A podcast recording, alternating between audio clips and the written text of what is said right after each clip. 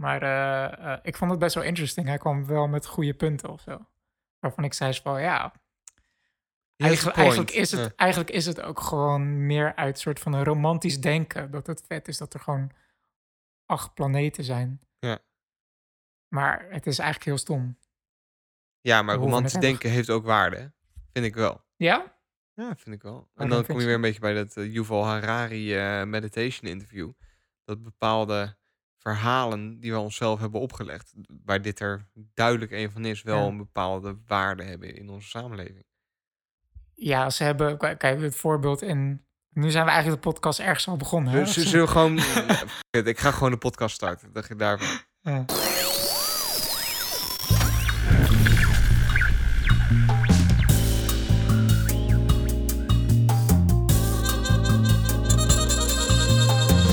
Zeepkast. Opgenomen dinsdag 14 maart 2017. Welkom allemaal bij aflevering 29 van de Zeepkast. Jouw bron voor al je science, technology en popculture nieuws. Tegenover mij eh, zit David. En tegenover mij zit Sander. Hoe is die David? Ja, wel oké. wel oké. Met jou? Ja, ook. Ik, uh, het is een latertje vandaag. Ben je, ben je helemaal zen? Ik ben helemaal zen. En helemaal tot, uh, tot mezelf gekomen. ja. Mooi. Ja, nee, we zijn weer lekker in de avond aan het opnemen. Ja. Benieuwd of dat een andere vibe met zich meebrengt. Volgens mij uh, hoor je dat niet. Ja, geen idee. Maar uh, nee, ja, gaat goed. Gaat goed. Mooi. J jij vertelde dat je een beetje richting ziek worden aan zit. Zeg ja, maar. ik ben niet helemaal uh, 100. Dat zeggen mensen altijd over mij. Ja, maar nu ben ik echt fysiek uh, niet helemaal 100. Maar that's oké, okay, that's oké.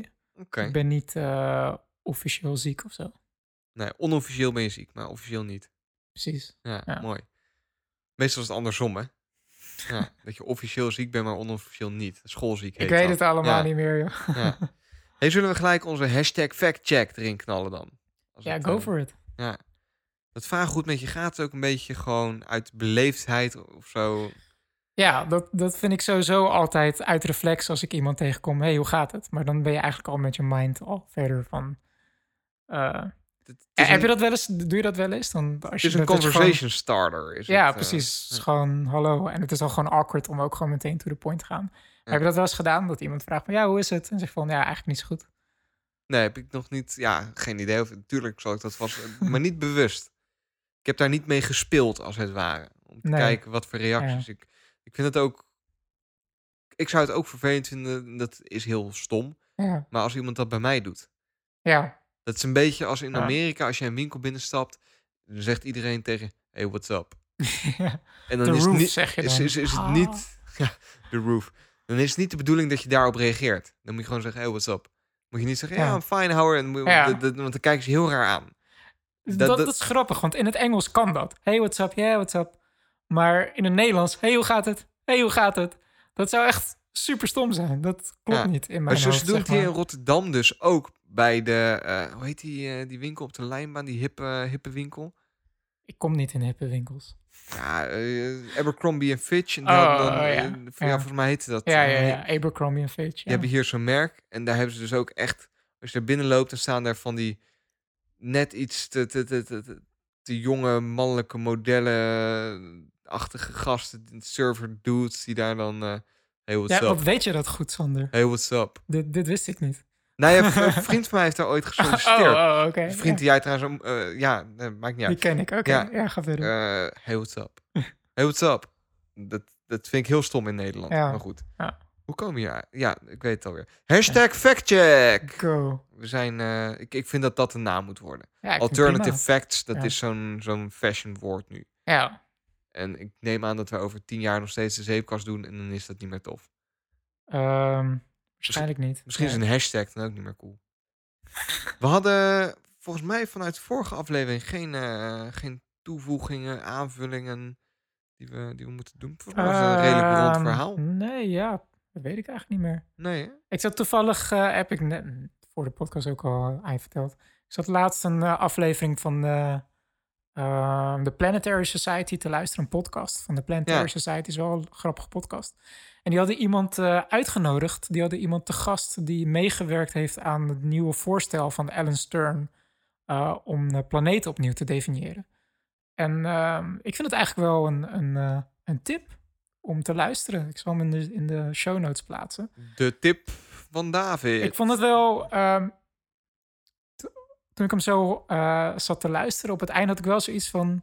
Yeah, my beliefs have been shook. Als het ware. Van, het is best interessant om uh, met wat voor argumenten ze komen om planeten te herdefiniëren. En dan misschien gelijk ook een fact-check. Hij, hij legde daar dan ook uit van dat met de nieuwe definitie dat ons zonnestelsel uh, ongeveer 110 planeten rijker zou worden. Dus in dus de voorgaande podcast uh, overdreef ik misschien een beetje met duizend. Ik vind nog steeds erg veel.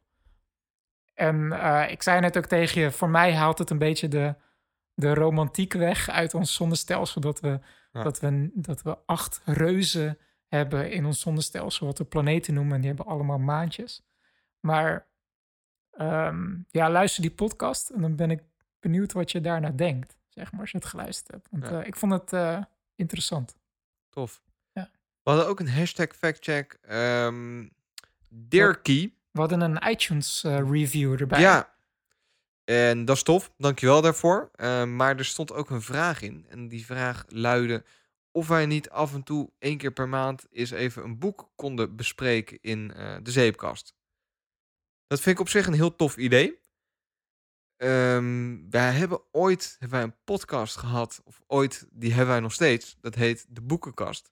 Is ook flink uitgelicht in de podcast. Die, die, die staat super mooi uitgelicht met banner en al in de podcast-app, inderdaad. Maar die staat wel al, wat is het, vier maanden stil? Ik, ik uh, misschien wel langer eigenlijk. Ja. ja, weet ik eigenlijk niet. Maar mag ik een drumroll? Er komen nieuwe afleveringen aan. Mm -hmm. Nou ja, nieuwe afleveringen. We hebben er pas weer eentje opgenomen. Ja. maar we zijn nog steeds... Ja, we moeten even kijken hoe we dat uh, uh, gaan doen of zo. Want het was het... heel spontaan begonnen. En uh, kijk, ik lees sowieso gewoon constant door. Ik, ik denk ja. ook gemiddeld anderhalf tot twee boeken per maand lees. Ik, ik denk dat ik, ja, iets onder jouw gemiddelde zit. Ik denk dat ik op één boek per maand zit. Dus met maar, minder hard ja. dan jij. Maar ik probeer wel mezelf uh, aan het lezen ja. te houden, zeg maar. Ja, ja, dat is op zich ook voor de rest niks uh, ergs mee. Maar het is meer van dat je... Uh, kijk, ik heb voor mezelf... Ik zit altijd in een soort van flow of zo. Van dat, dat, dat ik... Um, sowieso heb ik minimaal één fictie en één non-fictie boek parallel altijd ja. wel samenlopen. Ik, ik en vind vooral, het... vooral de, de fictieboeken, er zit in mijn gevoel een soort van lijn in of zo. Van dat ik in een bepaald flow van denken en topics zit. Ja. En dat daardoor die boeken volgen. En ik vind het... Maar dat, dat is ook vaak... Ik denk dat iedereen dat heeft, toch? Tenminste, nou, ik, ik, ik, merk het bij mezelf. Ja. Ik, ik ga niet beginnen met een, een, een space opera en dat vind ik dan heel tof. En dan ben ik er klaar mee en dan ga ik vervolgens een, een, een, een nou ja, noem eens wat, uh, een, een heel ander boek lezen. Dan, als ik dat dan tof vind, dan blijf ik wel in dat genre boeken. Ja, dat is niet dat... helemaal waar, want op een gegeven moment komt er een keerpunt en lees je weer zo'n ander boek dat heel tof is. En ja, dan, ja. Dus, ja. maar ik vind het, ik, ik heb gemerkt dat ik het moeilijk te combineren vind uh, met uh, een soort van ik wil, laat ik het zo zeggen, ik wil niet degene zijn die constant zegt van, nou, en nu gaan we dit boek lezen, zeg maar. Ik wil niet, snap je een beetje ja. wat ik bedoel? Nee, wat, dat, ik, dat... ik snap heel goed wat jij bedoelt, maar ik zou, want ik ben altijd wel op zich fan geweest van de boekenkast. Ja. Ik vind, zeepkast mede omdat is, jij erin zit ook. mede omdat ik een van, uh, en ook, ook mijn favoriete host ben trouwens. ja. Altijd fijn als Sander weer een mening heeft over ja. een boek. Ja. Nee, maar ik, uh, zeepkast is, is my, my baby, zeg maar. Dat vind mm -hmm. ik echt, dat, dat vind ik het tofst om te doen. Maar boekkast vind ik ook ontzettend leuk. En ik vind het wel jammer dat we daar nog niet de juiste workflow, ja. als het ware. Nee, dat, dat vind ik een mooi, wat je zegt, de workflow. Dat, en dat is eigenlijk ook waar, waar ik een beetje op doelde met het, het uh, uh, wat ik net zei over dat ik wel boeken lees en zo. Maar het, het moet wel aansluiten ook met een soort van regime van één boek per maand, wat je met een groep mensen ja. gaat bespreken en lezen en zo. En dat, dat, uh, dat is hoe, best hoe doen lastig. boekenclubjes dat? ik weet dat. Um, We, hebben het wel eens geprobeerd met een soort online agenda. Dat jij, want jij weet dat ik daar heel slecht in ben. En dan had je voor mhm. mij een agenda, welke hoofdstuk ik wanneer moest lezen. Oh ja, dat heb ik één keertje gedaan. Er kwam helemaal niks van. Ik moest nog steeds de laatste twee weken gewoon dat boek doorbuffelen. Ja, maar je hebt gewoon letterlijk een keer hier bij mij op de bank nog de laatste hoofdstukken van het boek gelezen. Zo, de maar dat was echt Maar dat was echt een dikke pil. Ja, dat was echt, echt gewoon een bijbel gewoon. Maar ehm, ja, hoe doen de andere boekenclubs dat? Ik heb geen idee. Ik weet wel dat... Um, ik heb wel eens een keer buren gehad, die waren lid van de ECI of zo, ECI. Ik weet niet of ze nog bestaan, volgens mij niet. En die hadden ook van die uh, boekenclubjes waar je voor kon aanmelden. En wordt er gewoon een boek naar je opgestuurd van, nou, dit is jouw boek voor de komende twee weken nu. This is your book. Maar. There is no other book like it. Ja, maar daar kan ik dus niet... Daar, daar Full heb ik Metal moeite Jacket uh, reference. Maar daar heb ik moeite mee, zeg maar. Dat uh, soort van... Ja, ik, dat... dat ik, ik denk dat we daar gewoon buiten dit format... maar wel serieus even over na moeten denken. Want ik vind het wel...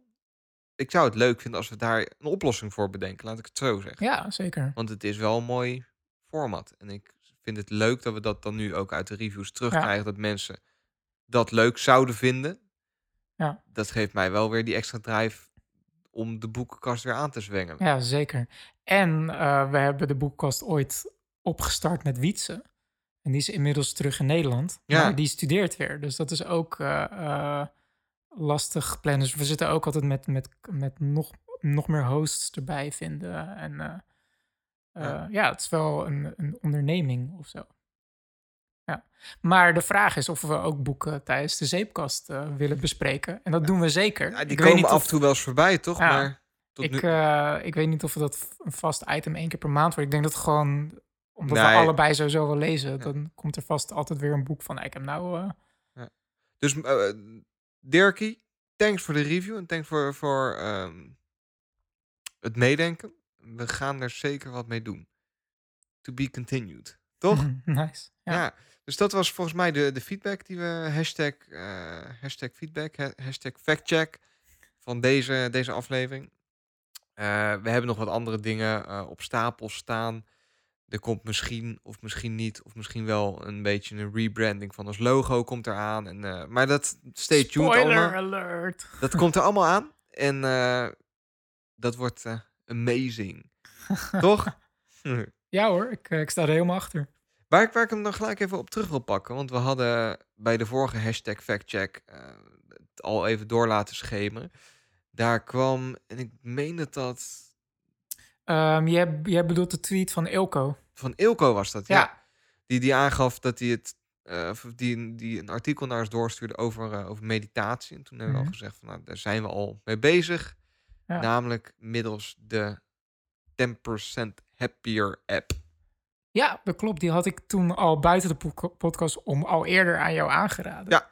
Want ik ben inderdaad nu uh, sinds een maandje ongeveer een beetje in mindfulness gedoken. En dat kan ik ook mooi terugzien in mijn health app op, op, op mijn iPhone. Vet is Die heeft gewoon een grafiekje van... Uh, dus ik kan precies zien wanneer ik begonnen ben en welke dagen ik slack en zo. Maar op zich doe ik het eigenlijk elke dag wel gewoon tot aan 10 minuten. Um, en wat, wat, wat brengt het jou? Wat het mij brengt. Of, of nou, laten we daar zo, zo op... Ja, dat, dat is wel gelijk een hele lastige vraag. De, de randvoorwaarden schetsen. Want uh, jij, zei, jij hebt dat met mij gedeeld. En ik ben daar nu een week mee bezig uh, met 10% happier. Um, nou ja, ik ben zelf uh, chaot in het kwadraat, zeg maar. Ja, en, en naast dat... We hadden we vorige week ook al over. toen ik zei meditatie, moest je gelijk aan zweverige dingen denken en zo. Ja, en dat fijne aan 10% Happier is wel dat eigenlijk een van de eerste dingen die ze ook zeggen, dat meditatie misschien wel het slechtst gemarkede, gemarketste ja, het, het heeft gewoon het, precies wat ik net zei. Uh, als je het woord meditatie dropt, zijn er gelijk allemaal uh, uh, connotaties aan verbonden. Dus mensen hebben gelijk een bepaald beeld bij, wat niet altijd klopt. Ja. Ja, ik, ik zie gelijk uh, yoga-moeders en mannen met knotjes, zeg maar, die in een kring zitten. En... Kan het gevolg zijn van slechte marketing? ja. Maar goed, dus dat, dat vooroordeel, dat halen ze gelijk weg. En ze bestoken je eigenlijk met het verhaal... dat vond ik wel interessant. Wat, uh, want ik ben heel slecht in namen, maar die app die mhm. is van een oud journalist. Uh, Dan Harris. Dan Harris heet hij. En hij is uh, ooit live op tv kaart op zijn bek gegaan. Middels ja. dat hij een burn-out kreeg. Ja. En dat was public shame. Nou, ja. het ging even niet lekker. Toen is hij begonnen met wat mediteren. Heeft hij heel veel verschillende mensen daarover gesproken. En vooral één man is hem daarin heel erg uh, bijgebleven. Ja. En dat was? Joseph Goldstein, als ik me niet vergis. Ja, ja. Joseph Goldstein. Wat vullen we elkaar toch heerlijk aan, David. Joseph Goldstein. Joseph Goldstein schijnt een autoriteit te zijn in de meditatie. Ja, een van de mensen die, die uh, dit bepaald, deze bepaalde vorm van meditatie naar het Westen heeft gebracht. Ja. onder de naam mindfulness. Ja. Um, en wat ze, hoe die app bestaat, dat je eigenlijk telkens een filmpje krijgt te zien van drie of vier minuten, waarin ze uitleggen wat ze je nou komende sessie, uh, dus meditatiesessie, gaan leren. Mhm. En waarom ze je dat gaan leren.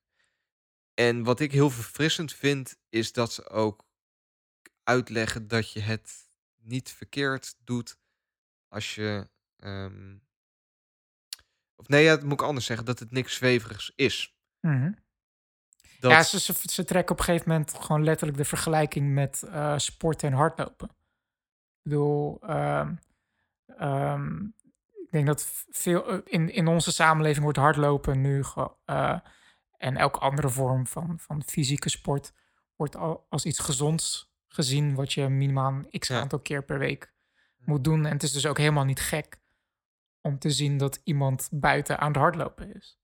Daar kijk je niet van op, zeg maar. Nee. Ehm, en eh, ik denk dat ergens een doel met deze app is om die, diezelfde sfeer rond, rond die oefeningen ook te creëren onder, me, onder meditatie. Nou ja, nou, dat het gewoon helemaal niet gek is om te zien dat iemand uh, te, die op de bus staat te wachten even een momentje pakt. Nee, ik, ik, of bedoel je, het, bedoel je iets anders? Het, nee, het is, het is niet het doel van deze app, maar het is wel de voorspelling van uh, die, die, die, hoe heet die? Joseph of uh, Sam. Sam. Dan Harris. Dan Harris. door de war met Sam Harris, wat een podcast host ja. is. Ja. Dan Harris, die voorspelt wel uh, dat hij zegt van... ik denk dat over tien jaar dat iedereen zo geaccepteerd heeft... dat meditatie goed voor je is... dat mm. dat net zo normaal is als hardlopen buiten. Ja. Dus dit is niet zijn doel, maar het is wel zijn voorspelling. Hij ziet dat oh, gebeuren. Ja. En dat, dat is wezenlijk anders dan, dan het doel. dat klopt, ik. ja. Dus dat, dat zijn voorspellingen. En ik vind het wel interessant. ook misschien een self-fulfilling prophecy.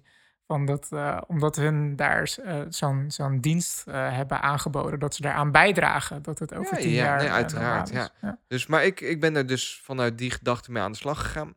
En moet zeggen, het is wel lekker. Ja, want ik, ik, was, ik was echt heel benieuwd hoe het, wat voor effect het op jou nou ja, zou ik, hebben. Ik, ik heb zeg maar, ik, ik ben net een, een, een jong konijntje.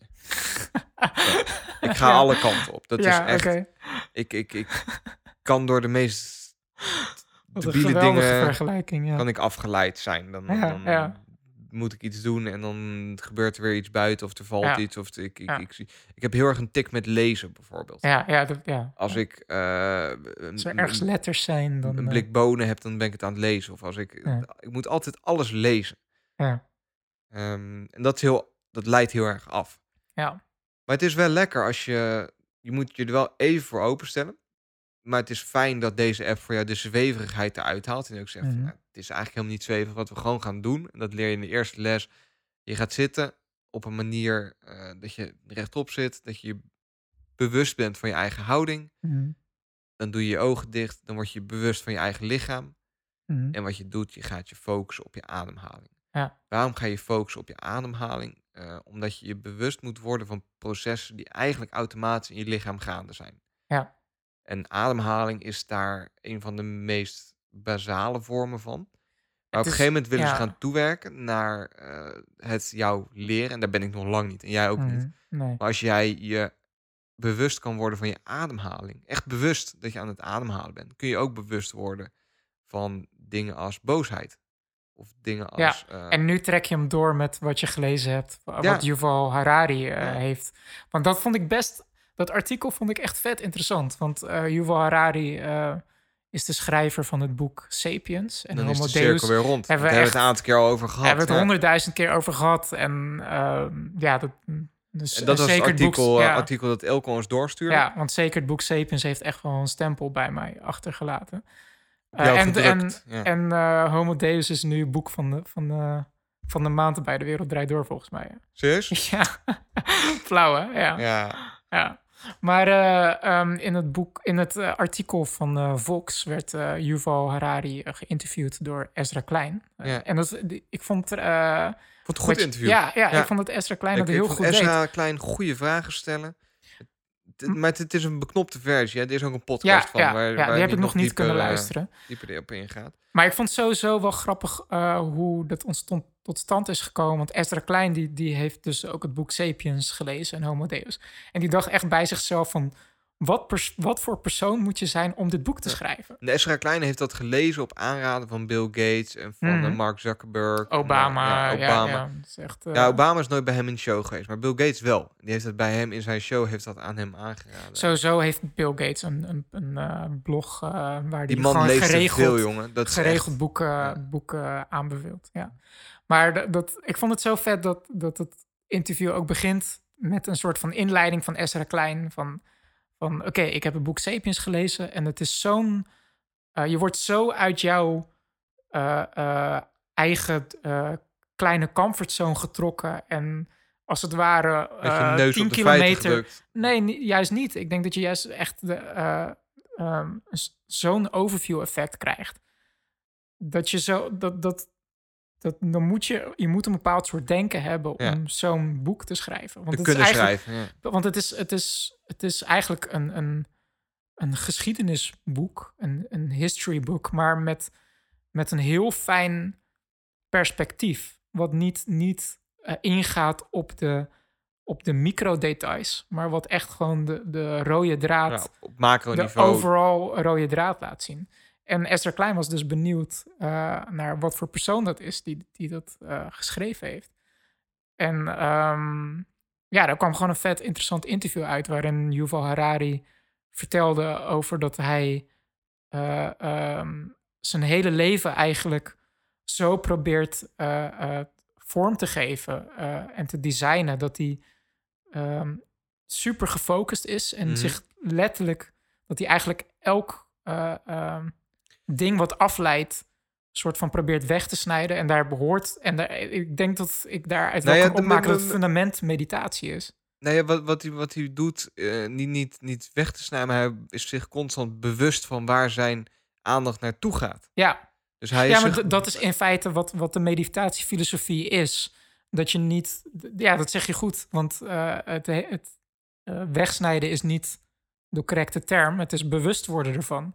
Eh, dat is eigenlijk het hele principe van, van mindfulness ook. Dat je dus niet uh, bezig bent met uh, uh, bepaalde emoties wegdrukken. Ja. Maar als er een bepaalde emotie is, bijvoorbeeld, dat je dat. Um, dat je daar bewust van bent en daar een leeuw op plakt van nee, wat, ik ben boos. Wat ik daar dus wel mooi aan vond om het, het lezen van het interview, wat ze daar ook in doen, uh, Yuval geeft daarin aan dat uh, aan de basis van want hij gaat daar uh, extreem ver in. Hè? Ja, ja, ja daar wou ik nog verder naar. Hij mediteert nog werken, een ja. uur per dag. Twee uur per dag. Twee uur per, wow. Twee uur per dag. Twee Elke uur per dag, dag, Twee uur per dag. Ja. En hij gaat één keer per jaar gaat hij twee maanden naar echt 60 dagen. Ja. Een, een, een, een meditatieoord ja. waar het compleet stil is, waar geen geen internet, geen, geen je mag met niemand praten, je hebt geen contact met de buitenwereld. De enige taak die je daar hebt is bewust van jezelf zijn. Ja. Word je daar boos, dan moet je niet boos gaan worden. Dan moet je gaan voelen, wat doet dat met mij nu dat ik boos ben? Waar komt dat vandaan? Waar voel ik dat? Wat is dat voor gevoel? Ja. Uh, en hij zegt, dat stelt mij in staat om op een heel erg, inderdaad wat je aangeeft, macroniveau naar de wereld te kijken. Ja. Heel snel te snijden in wat is nou relevant en wat niet. En op een heel unieke manier naar de wereld te kijken. Dus dat, dat vond ik wel leuk om te lezen. En ik vond het ook wel knap, tenminste, het bevestigde voor mij wel even dat mindfulness niet alleen zweverig is, maar dat het mhm. je ook in staat kan stellen om amazing boeken bijvoorbeeld te schrijven. Het, heeft, het, ja, het, is voor jou het bewijs dat het ook een praktisch nut ja, heeft. Het, het inspireerde mij wel. Dat ik dacht van ja, schijnbaar kan uh, meditatie leiden tot het beter verdelen van je aandacht. Waardoor je mhm. beter uh, je doelen kunt bereiken. En dat heeft helemaal niks met zweverigheid te maken. Maar dat heeft er mhm. gewoon mee te maken dat je je constant bewust bent. Waar ben ik nou mee bezig? Ja. En dat is veel uh, grijpbaarder dan zweverige... Uh... Ja, dat heeft waarde. Ik bedoel... dus ik zou het iedereen aanraden om daar in ieder geval mee aan de slag te gaan. of aan de slag te gaan. Om het in ieder geval eens te proberen. Je hebt die app zo gedownload. 10% happier. Ja. Um, en ik vond dat een heel prettige ervaring om. En eh, ik, je weet bij mij nooit of ik het over een maand nog doe. ja, laten we eerlijk zijn. Ja. Maar ik vond het nu, de week dat ik het gedaan heb, vond ik het wel heel fijn om te doen. Mhm. En ik merk ook wel dat het um, naar meer smaakt. En ja. de beloning dat het in mijn health app geregistreerd wordt, dat ja, vind ik ook wel fijn. Ja, ik, ik tuurlijk, ja. Of tuurlijk, dat is niet voor iedereen. Maar ik vind het. Ik ben heel beloningsgevoelig. En ik vind het heel fijn als ik iedere dag dat doe. Dat ik dat dan kan bijhouden. En dat ik dan virtueel een soort streepje mm krijg. Dat ik mhm. een soort virtuele sticker van goed gedaan, weet je wel. Ja. En mijn kaart wordt steeds voller. En ik ben daar heel uh, vatbaar voor. Ja. Je zou voor de grap ook eens een keer dan uh, de app uh, Headspace moeten proberen. Ik ben dan benieuwd wat je het verschil er, ja. Wat je daar verschillend aan vindt. Want ik vind dat Headspace wel echt hele vette animaties heeft ook. Die, die concepten heel goed uitlegt. Um, en dat is tien dagen gratis te gebruiken. Wat ik wel uh, zou willen horen van onze, van onze luisteraars. Of daar ook sceptici tussen zitten. Die het aandurven om dit een week te proberen. En ons daarna even willen laten weten of het voor hen ook. Of, of, of het hun of, of zij zich hierna kunnen openstellen voor het fenomeen meditatie, of dat ze het nog steeds een bunch of ja. vinden, zeg maar. dat zou ik wel tof vinden om even te horen. Ja, ja. ja ik, um, ja, ik, ik, ik, vond, ik was sowieso gewoon onder de indruk ook van het interview met uh, Yuval. En ergens bevestigde het ook een beetje mijn denken over waar we het eerder over hadden in de aflevering Dit Was Het Nieuws. Dat is volgens mij die uh, aflevering die we rond uh, Oud en Nieuw hadden opgenomen.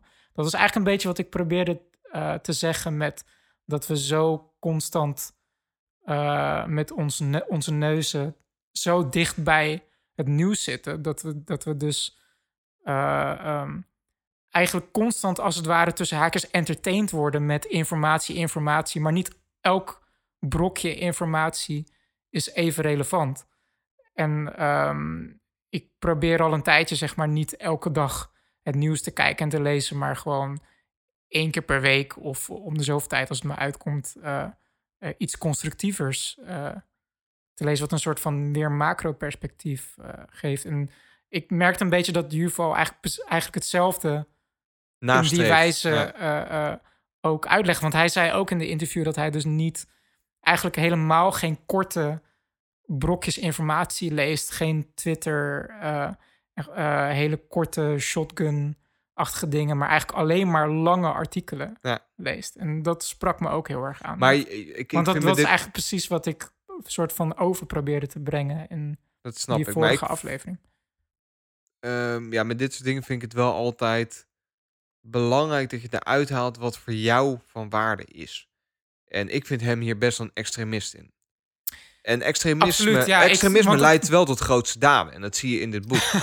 nee, nee, maar dat, ja, ja. Als je, als je, dat, is niet... Dat, dat kun je interpreteren zoals je zelf wilt. Maar als je ergens extreem dedicated aan bent... dan kun je daar grootse dingen mee bereiken. Dat kan. Of, of vreselijke dingen. Of, maar je kunt daar dingen mee doen die impact hebben. Kijk, ik probeer... Hij is extreem into... Uh, hier, ja, into meditatie en mindfulness en Nee, maar ik bedoel ook niet. Kijk, dat, dat is dan ook weer.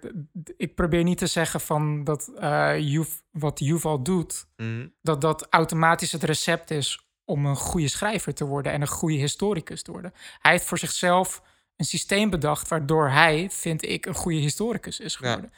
Wat waarschijnlijk ook meerdere factoren heeft dan alleen maar mediteren. Um, je, je, moet goed informatie kunnen opslaan, want je moet goed. Eh, je, je moet uh, kunnen, kunnen ordenen. Uh, want je, je, moet een, een, logisch verloop kunt. Dus ja. Maar de, maar de filosofie van het, het kunnen onderscheiden wat, wat reality is en fictie is.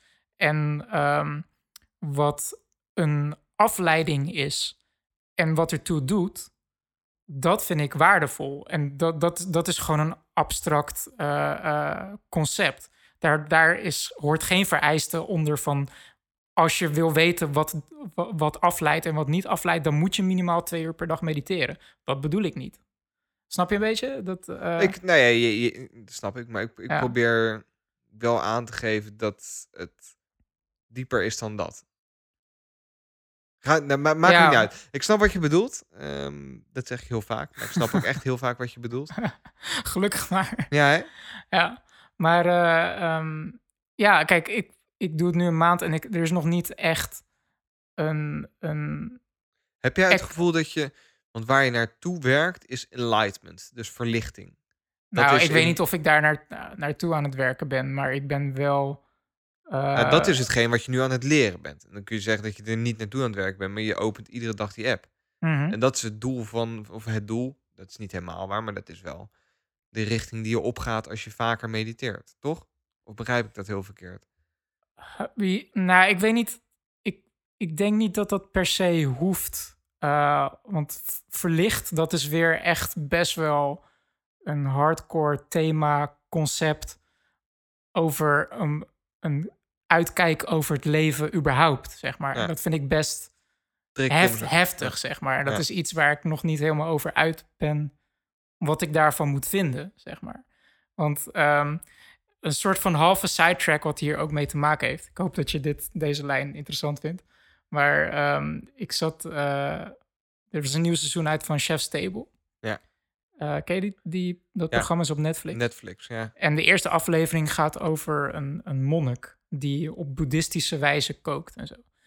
En die zit echt al, volgens mij sinds er eind... Ze zit echt al 40 jaar in het klooster. Eigenlijk alleen maar mediteren en koken en zo. En dat is een way of life en een, en een uitkijk en filosofie op het leven. Uh, wat ik interesting vind. Maar ik, ik weet niet of dat um, een ultimate end goal per se is of zo, weet je. En, dus ik vind het dan heel lastig om te zeggen dat, dat de, de, de oefening van. van uh, want die aflevering van Chef Steve had best wel indruk op gemaakt. Ook op meerdere levels, behalve het koken aspect van die aflevering. Maar ik weet niet of dan meditatie als practice per se dat doel moet hebben. Want dat vind ik dan best wel extreem om te zeggen dat je dan echt je hele levensfilosofie een bepaalde kant op gooit. Ja. Snap je wat ik bedoel? Dus wat mij meer interesseert is dat die de practice een tool is om efficiënter te kunnen, kunnen leven, als het ware. Ja. Omdat je toch een soort van machine ben, bent die je kan uh, beïnvloeden, kan programmeren, als het ware. Dat is eigenlijk. Uh, uh... Ja, jij, jij bent eigenlijk altijd op zoek naar manieren om jezelf te programmeren. En dit is er één van, toch? Ja, exactly. Exactly ja. wel. Want als je, als, je, als je niet op zoek bent naar naar uh, manieren om jezelf te programmeren. Er zit al een soort van inner voice in jou, uh, uh, die een bepaald programma afloopt. En als je dat niet dicteert of, of beïnvloedt of reprogramt, dan, ja, dan, dan, dan, dan loop je gewoon een soort van standaard programma af, als het ware. Wat, wat niet altijd even waardevol is. ja. de screensaver mind, ja. ja. Nee, maar Precies dat. Dat vind ik wel mooi, ja, Maar dat, dat, dat, dat sowieso iets... Kijk, ik vind het zo jammer. Ik spring echt van de hak op de tak, maar ik word best wel getriggerd. Nee, gooi hem eruit. Um, ik vind het zo jammer dat je, de, dat je Westworld nog niet hebt gekeken of afgekeken hebt. Ik weet ja, niet hoe ver ik weet bent... niet waarom. Ik ben ermee begonnen en ik heb de eerste drie afleveringen gezien. Op de een of andere manier triggert die me niet heel erg. Ik snap ergens wel waarom. Het is een lastige show. Ik ik heb Westworld afgekeken en ik vind het zo erg passen binnen dit verhaal over het, het soort van jezelf programmeren en je eigen inner voice stemmen. En, en uh, door bijvoorbeeld meditatie en te observeren.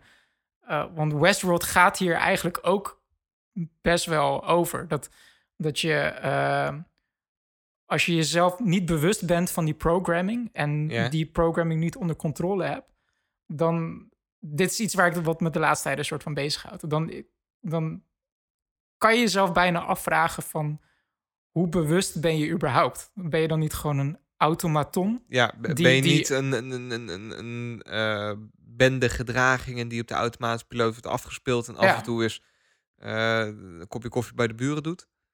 Uh, ja, ja, precies. En zeker deze gedachten zijn zeker ook beïnvloed door, door uh, The Selfish Gene van Richard Dawkins.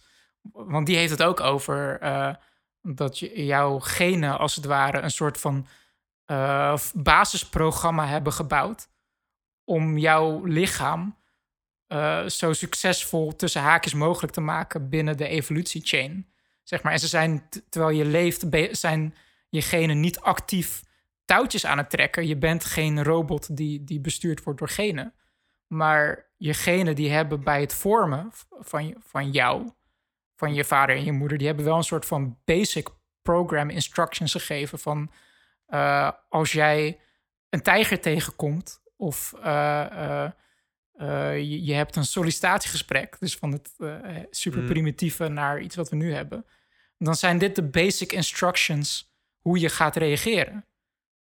En uh, als je daar niet soort van bewust van bent, dan loop je die basic Android-programma af. Nu ga ik super extreem worden. Um, en als je daar wel bewust van bent, dan kan je daarop inspelen als het ware. En dan kan je zelf reprogrammen. Je kan observeren van, oh, ik wil nu eigenlijk vluchten. Mhm.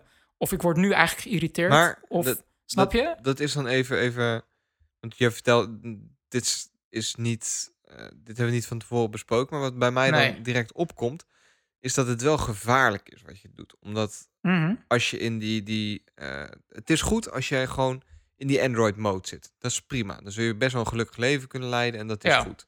Ja. Het is ook goed als je uh, enlightened bent, of nee, dat heet niet dan, en dat wil je niet enlightened noemen, maar als je daar bewust van bent en je kunt dat doorbreken, dat is ook goed. Ja. Het is niet goed als je ervan bewust van bent dat je als Android kunt leven, maar je krijgt het niet doorbroken. Volgens mij is niks depressiever dan dat.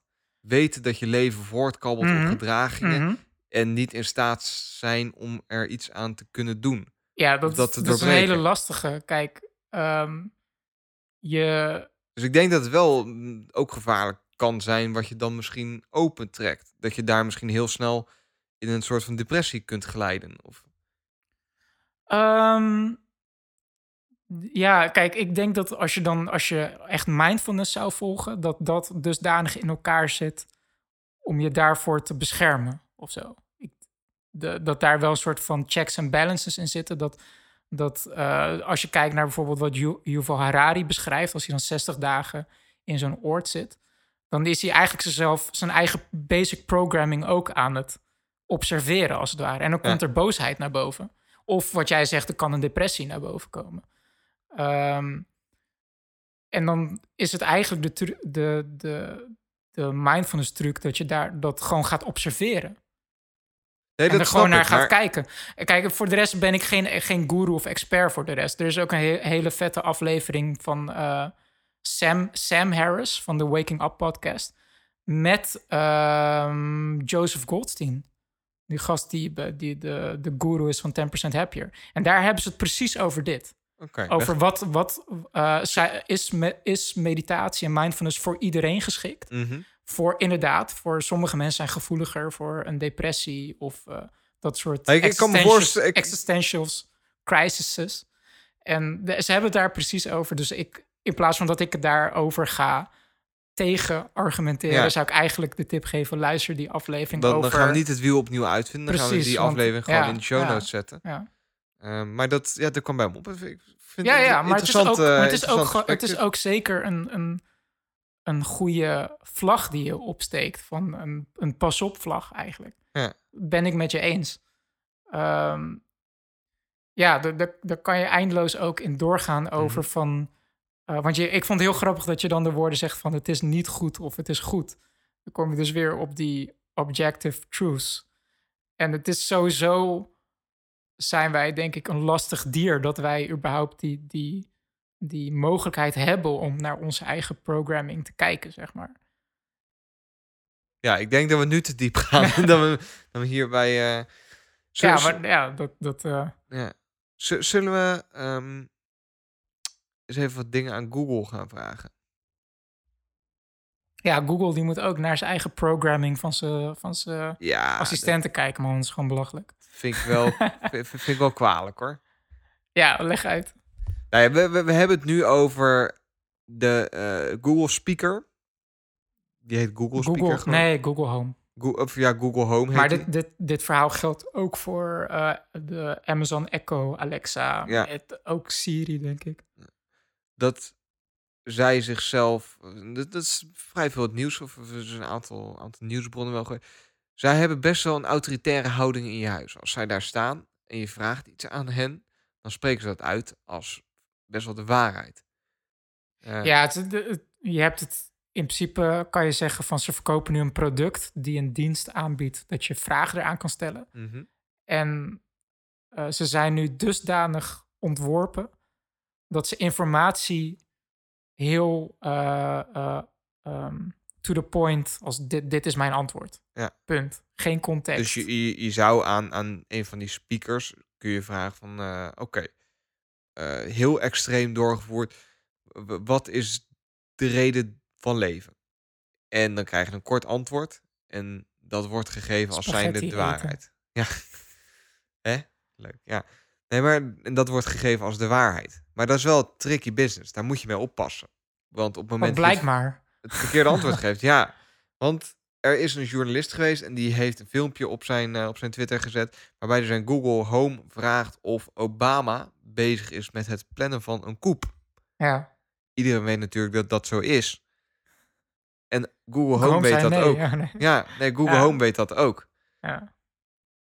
Ja, er, er wordt gewoon als feit gezegd: uh, um, Obama plant een koep, dat klopt. En dat baseert Google op allerlei gekke right-wing conspiracy websites die blijkbaar mm. door de Google-algoritme als number one solution naar boven komen als je, als je zo'n vraag stelt.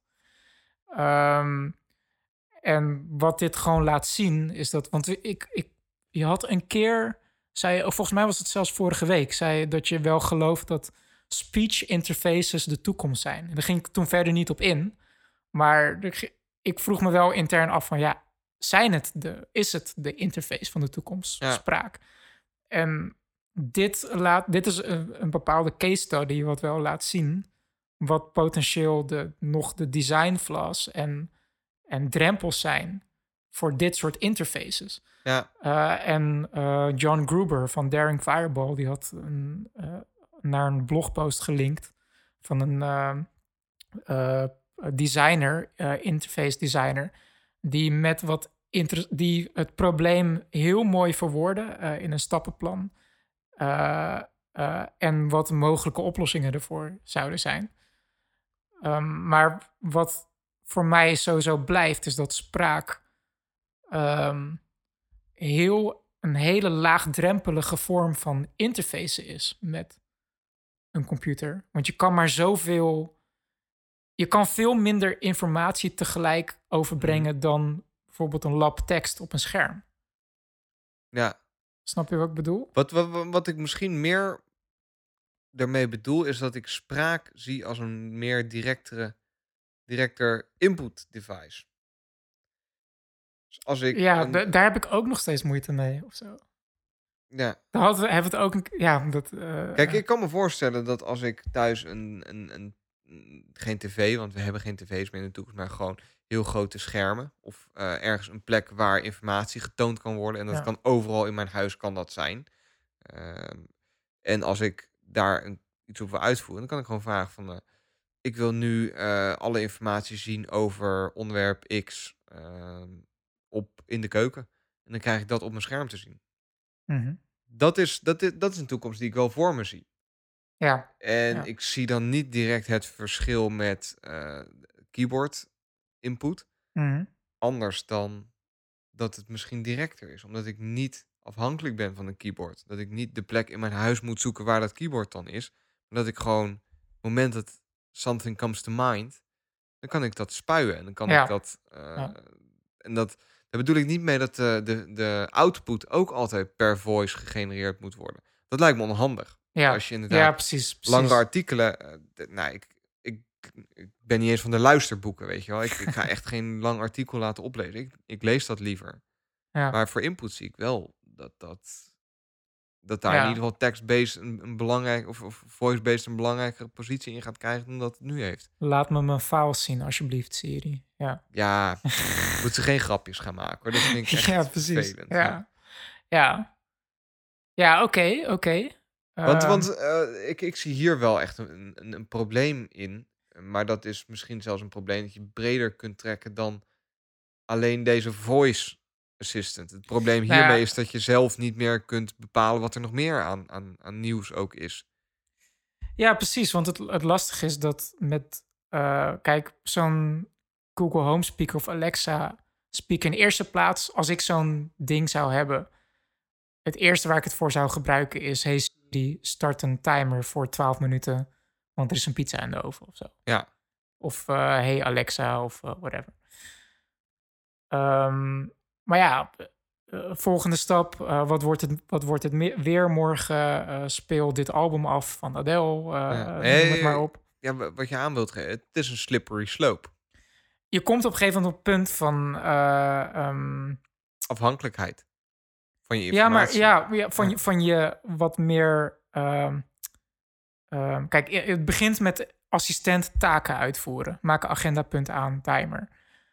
maar op een gegeven moment eh, eh, kijk, Google is al, wordt al langer gebruikt om gewoon echt wat meer uh, grotere vragen te stellen. Van waarom is de lucht blauw? Dat soort vragen.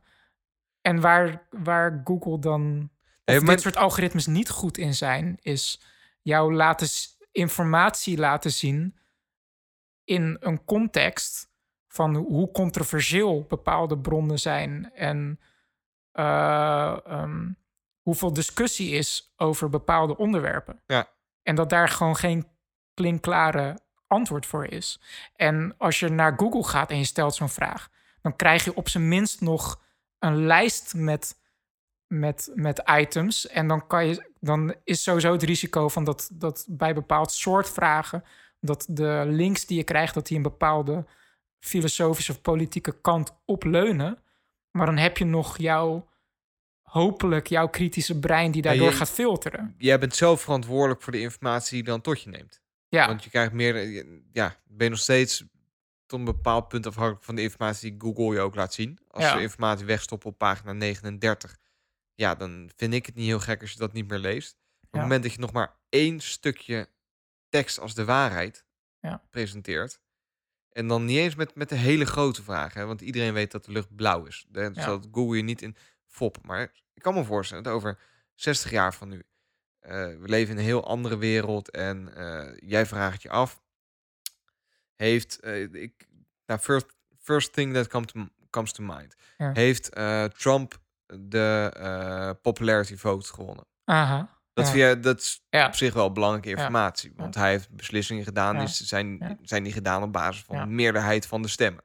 En jouw echo chamber geeft dus, dan als en antwoord... jij vraagt ja. En vervolgens is er, zijn heel veel websites over geschreven. Er zijn meerdere websites die zeggen van... Trump heeft inderdaad die vote gewonnen. En jij krijgt dat als waarheid hoor. En dan kan ik me voorstellen dat de waarheid steeds meer ondergesneeld raakt. Uh, voor, voor de, de, niet grootste vragen, maar voor die subcategorie van vragen waarvoor we heel afhankelijk zijn van externe bronnen, omdat we dat niet meer uit ons hoofd leren. Ja.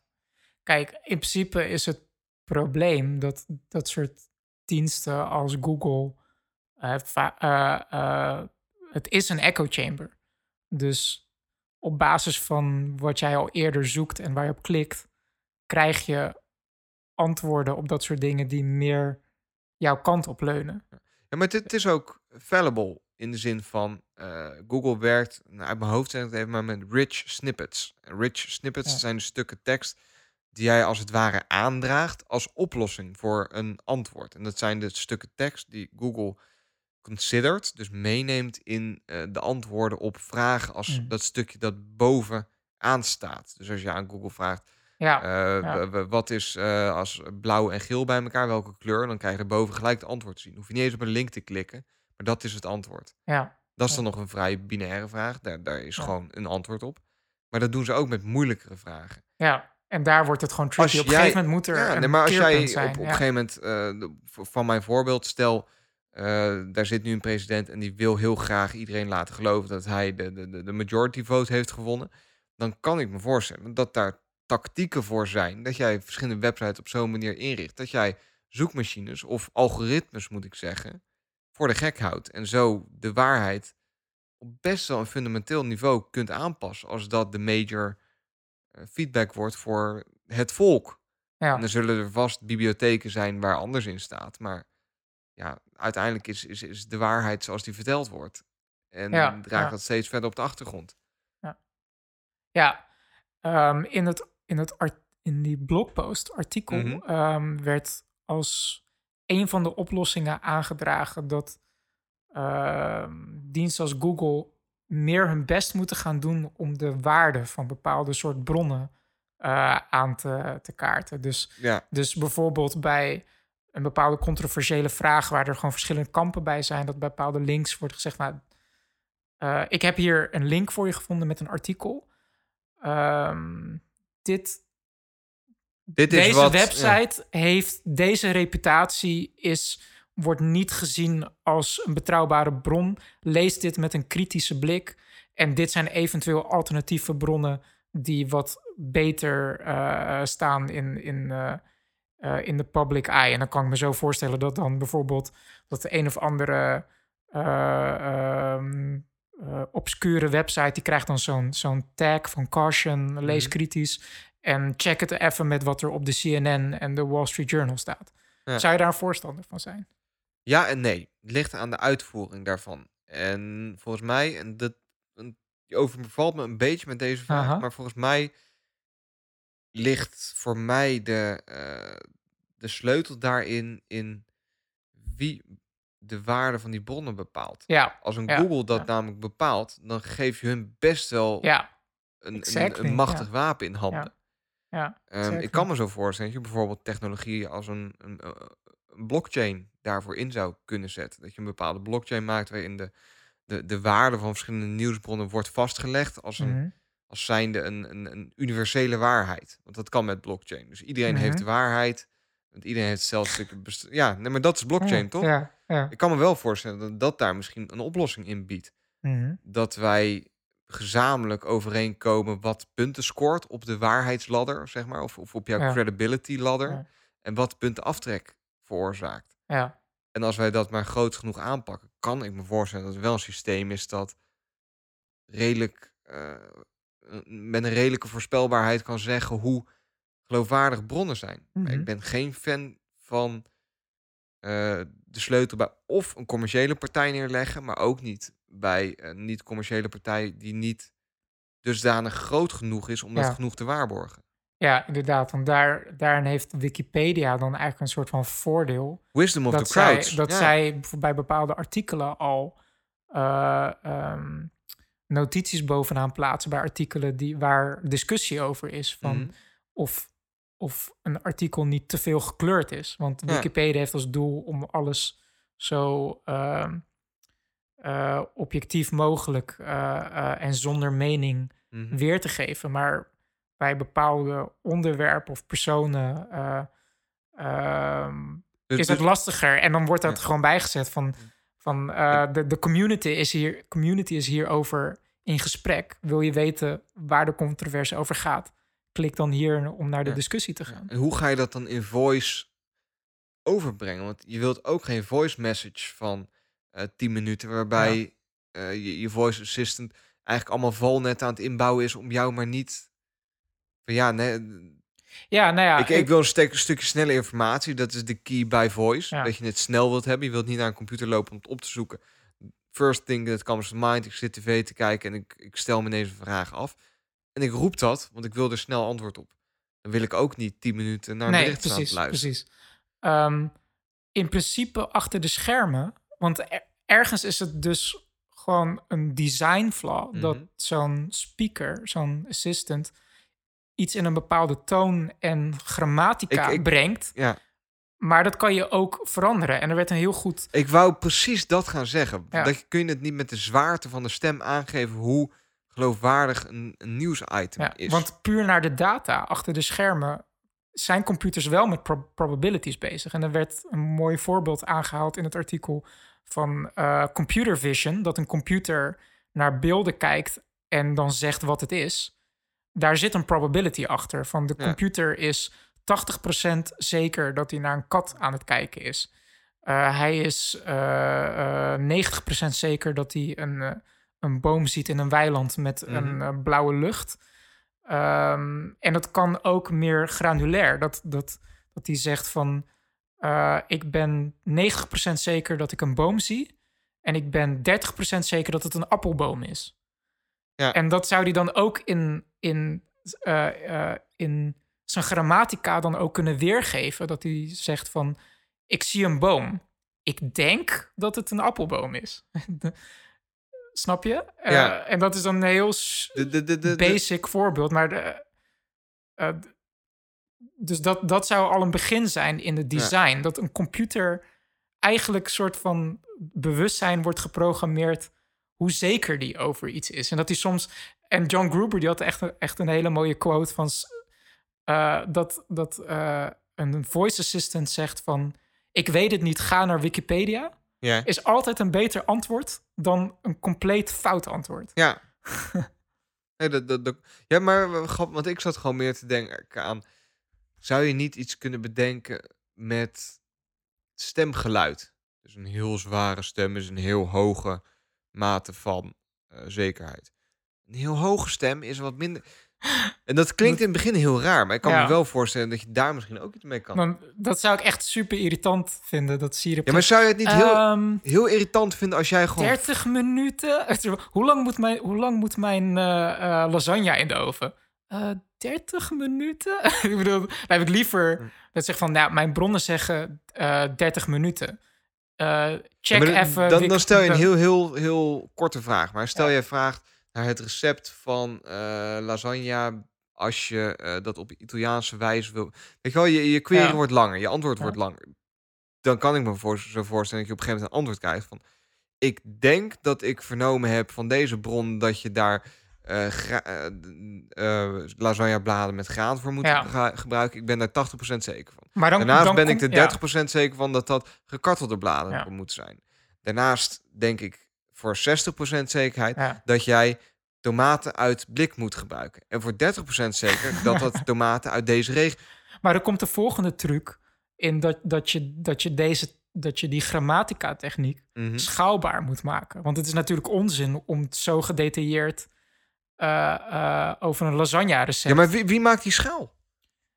Ja, kijk, ik ben geen, ik ben geen big data artificial intelligence nee. programmer. Er zijn waarschijnlijk hele knappe mensen mee bezig, maar um, de, er is nu een bepaalde uh, vast en dat vaste manier van informatie overbrengen die prima werkt over wat is het weer morgen? Ja, maar totaal niet werkt over politiek en Waarheden. Dat, dat soort moeilijker, moeilijkere vraagstukken. En daar hebben we het ook vaker over gehad met bijvoorbeeld dat, dat Siri nu ook alles met een soort van hele grappige toon bespreekt. Maar soms zijn er situaties waar dat gewoon niet tof is. En dan moet het gewoon of op een hele andere manier aangepakt worden.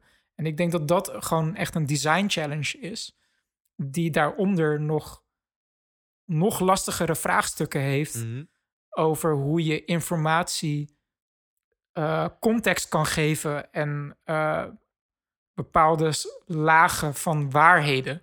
Ik, ik, ik, zie op zich ook wel een oplossing in. Uh, ja, we zijn nu bezig met Google Glasses. En ik kan me zo voorstellen dat over 10, 20 jaar iedereen eh, retina implants heeft. En informatie ja, voorgeschoteld krijgt. Misschien is voice helemaal niet de ideale manier om antwoorden te geven kun je wel via voice vragen stellen en krijg je vervolgens ja. antwoorden uh, toch weer visueel ja. te zien. Ja. Wat veel van, ja.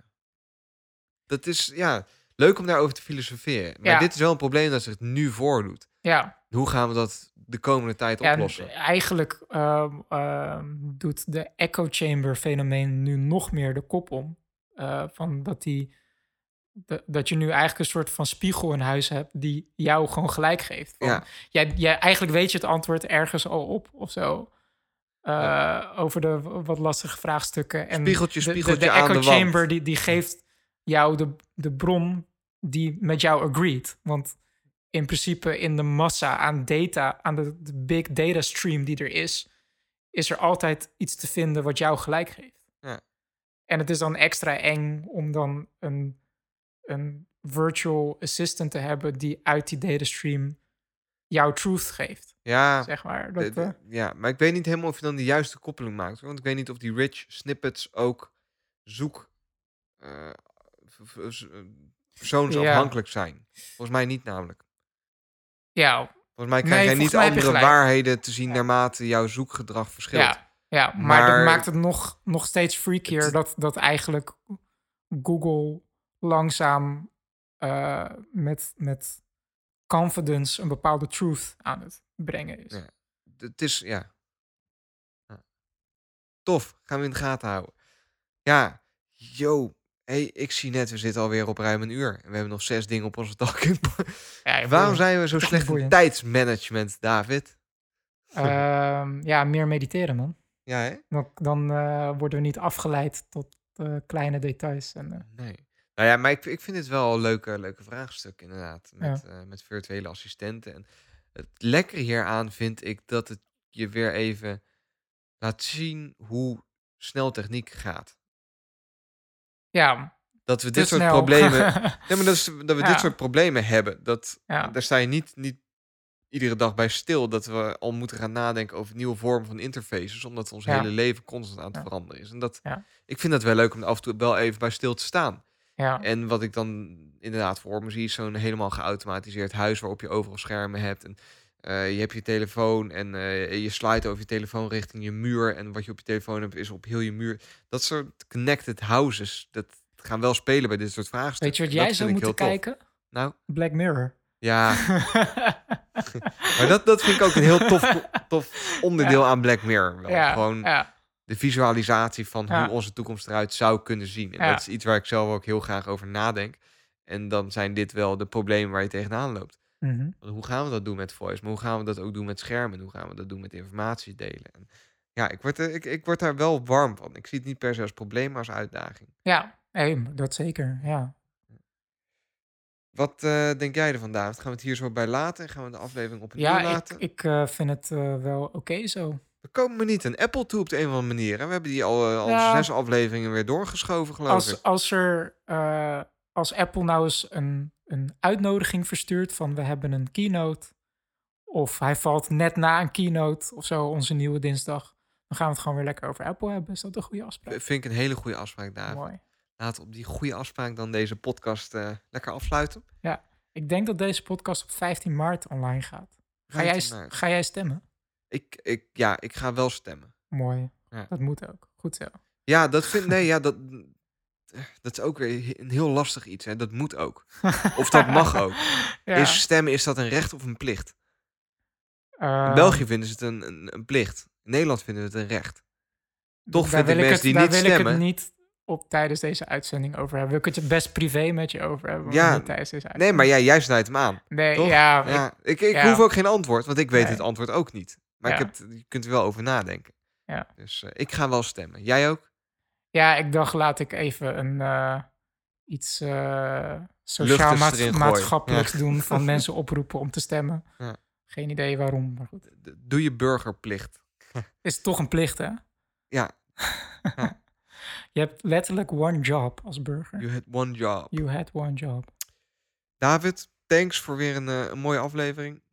Jij ook bedankt, Sander. Als je uh, iets vindt van mediteren of uh, van virtuele voice assistent of van al het andere, het mag zo gek zijn, uh, stuur het onze kant op. Ik vind het altijd leuk om, daar, uh, om van jullie te horen. Daarnaast vinden we het heel tof als jullie het nou leuk vinden wat wij doen. Laat dan even een review achter in de iTunes app, of de podcast app moet ik zeggen. Of help ons onze podcast te verspreiden via Facebook, via Twitter. Daar zou ons een, een hoop mee op weg helpen. Zeg goed zo toch, David? Dat zeg je helemaal goed. Ja, toch? Hey David, nogmaals bedankt. Lieve luisteraars, bedankt. Tot, uh, tot volgende week uh, dinsdag weer. Ciao. Live long and prosper.